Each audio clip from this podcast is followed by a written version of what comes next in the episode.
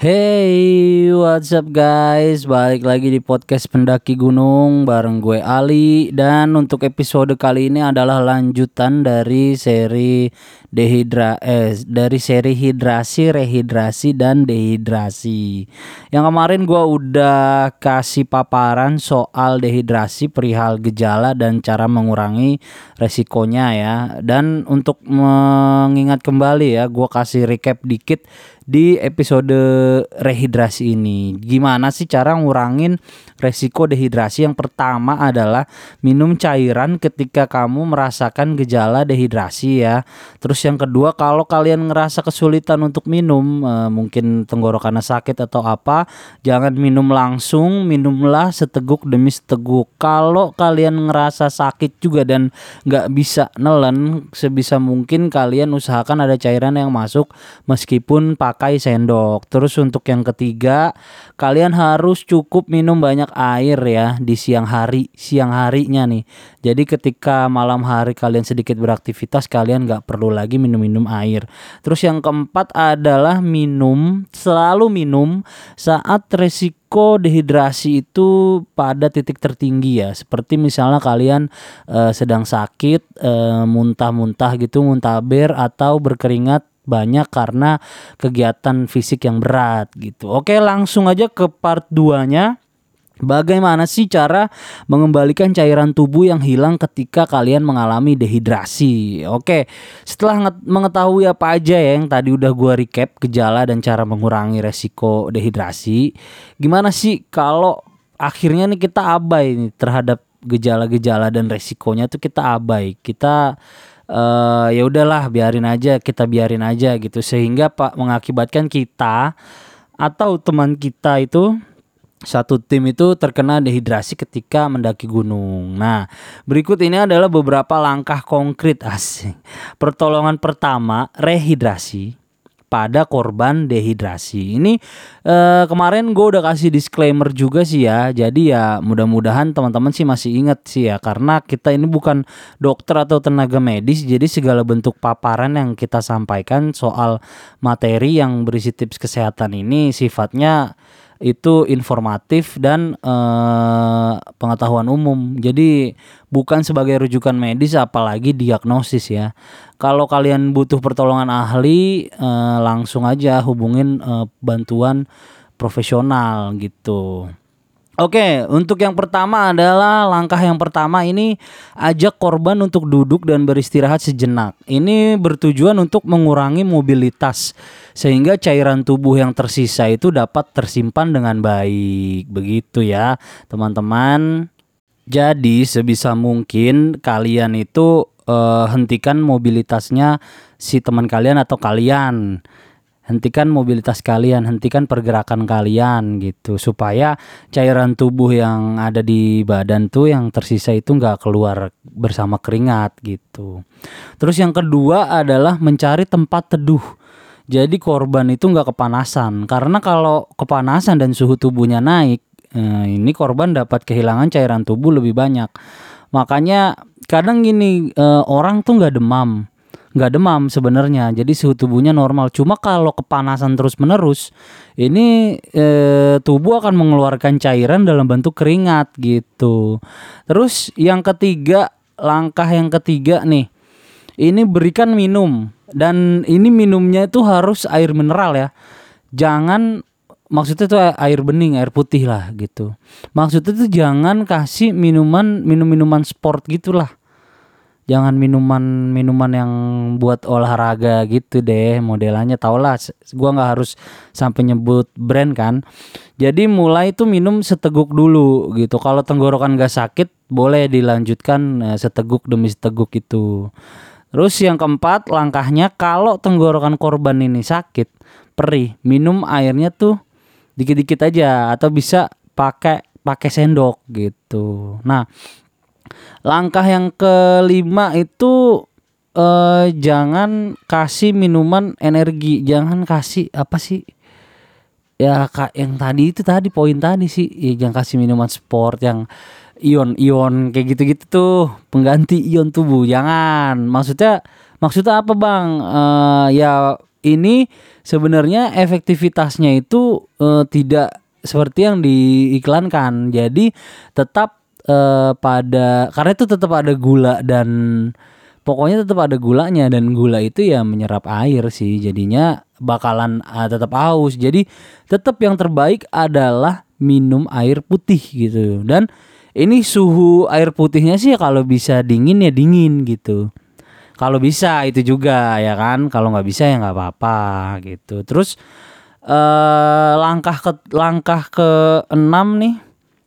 Eh, tadi udah kelima ya. Kelima terus ke enam. Eh, langkah keenamnya itu kak setelah minum cukup air bisa dilanjutkan dengan pemberian cairan oralit gitu atau larutan gula garam. Jadi tetap gula garamnya tetap cuman nggak nggak pertama banget. Pertama banget tetap air. Nanti kalau udah cukup, udah dirasa cukup, Nah, itu dia kan harus balikin energi kan. Nah, itu baru kasih uh, cairan oralit larutan gula sama garam itu.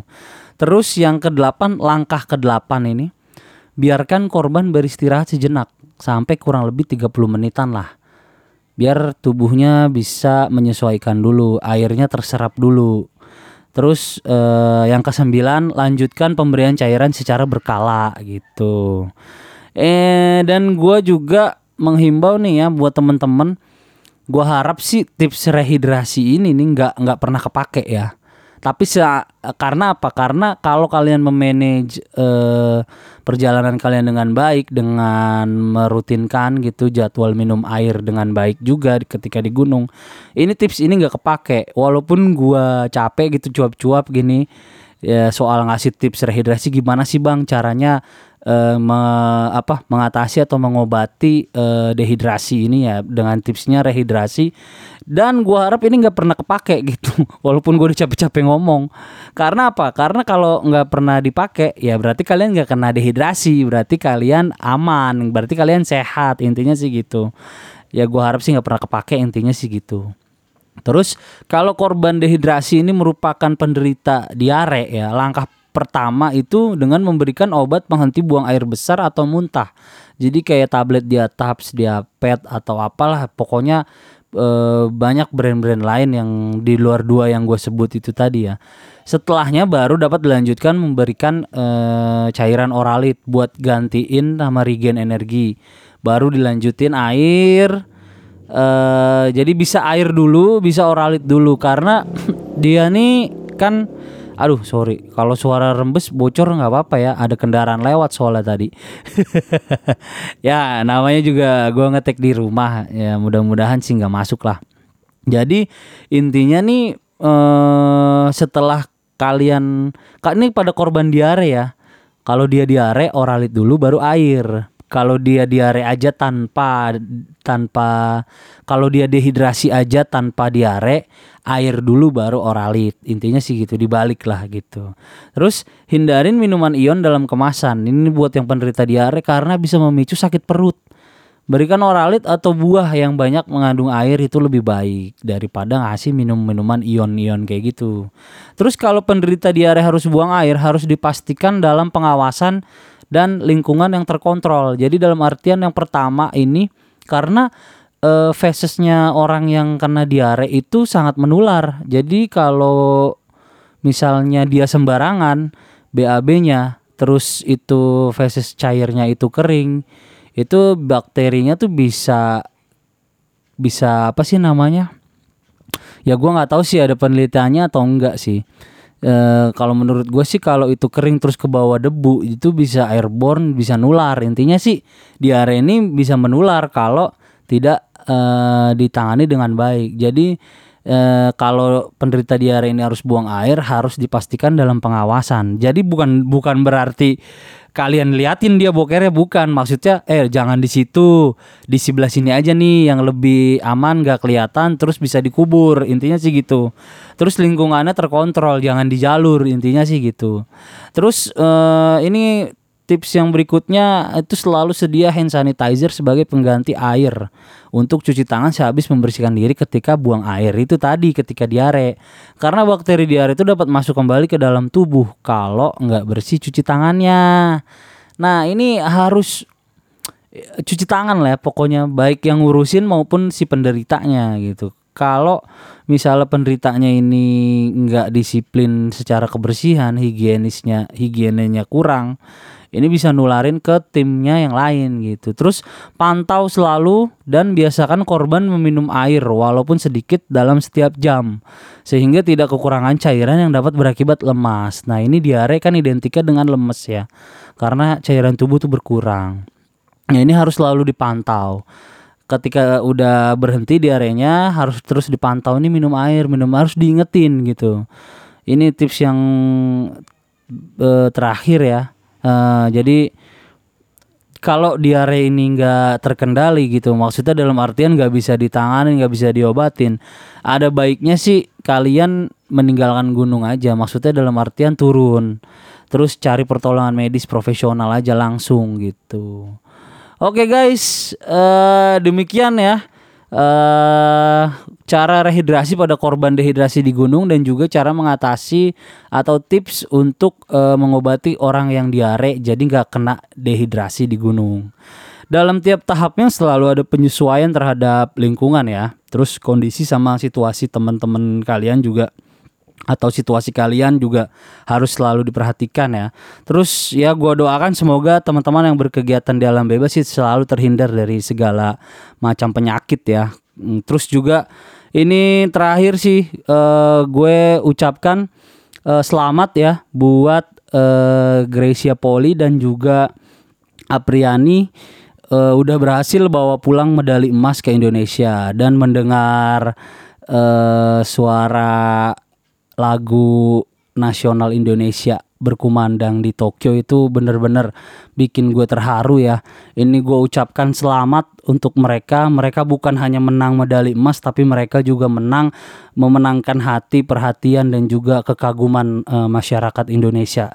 Secara keseluruhan gue ucapkan selamat dan ini adalah wakil rakyat yang bener-bener wakil rakyat Indonesia yang bener-bener gue dukung 100% ya. Ini mereka ini yang atlet-atlet bulu tangkis ini siapa pun semuanya atlet atlet yang ke Olimpiade Tokyo merupakan wakil rakyat yang sepenuhnya gue dukung 100%.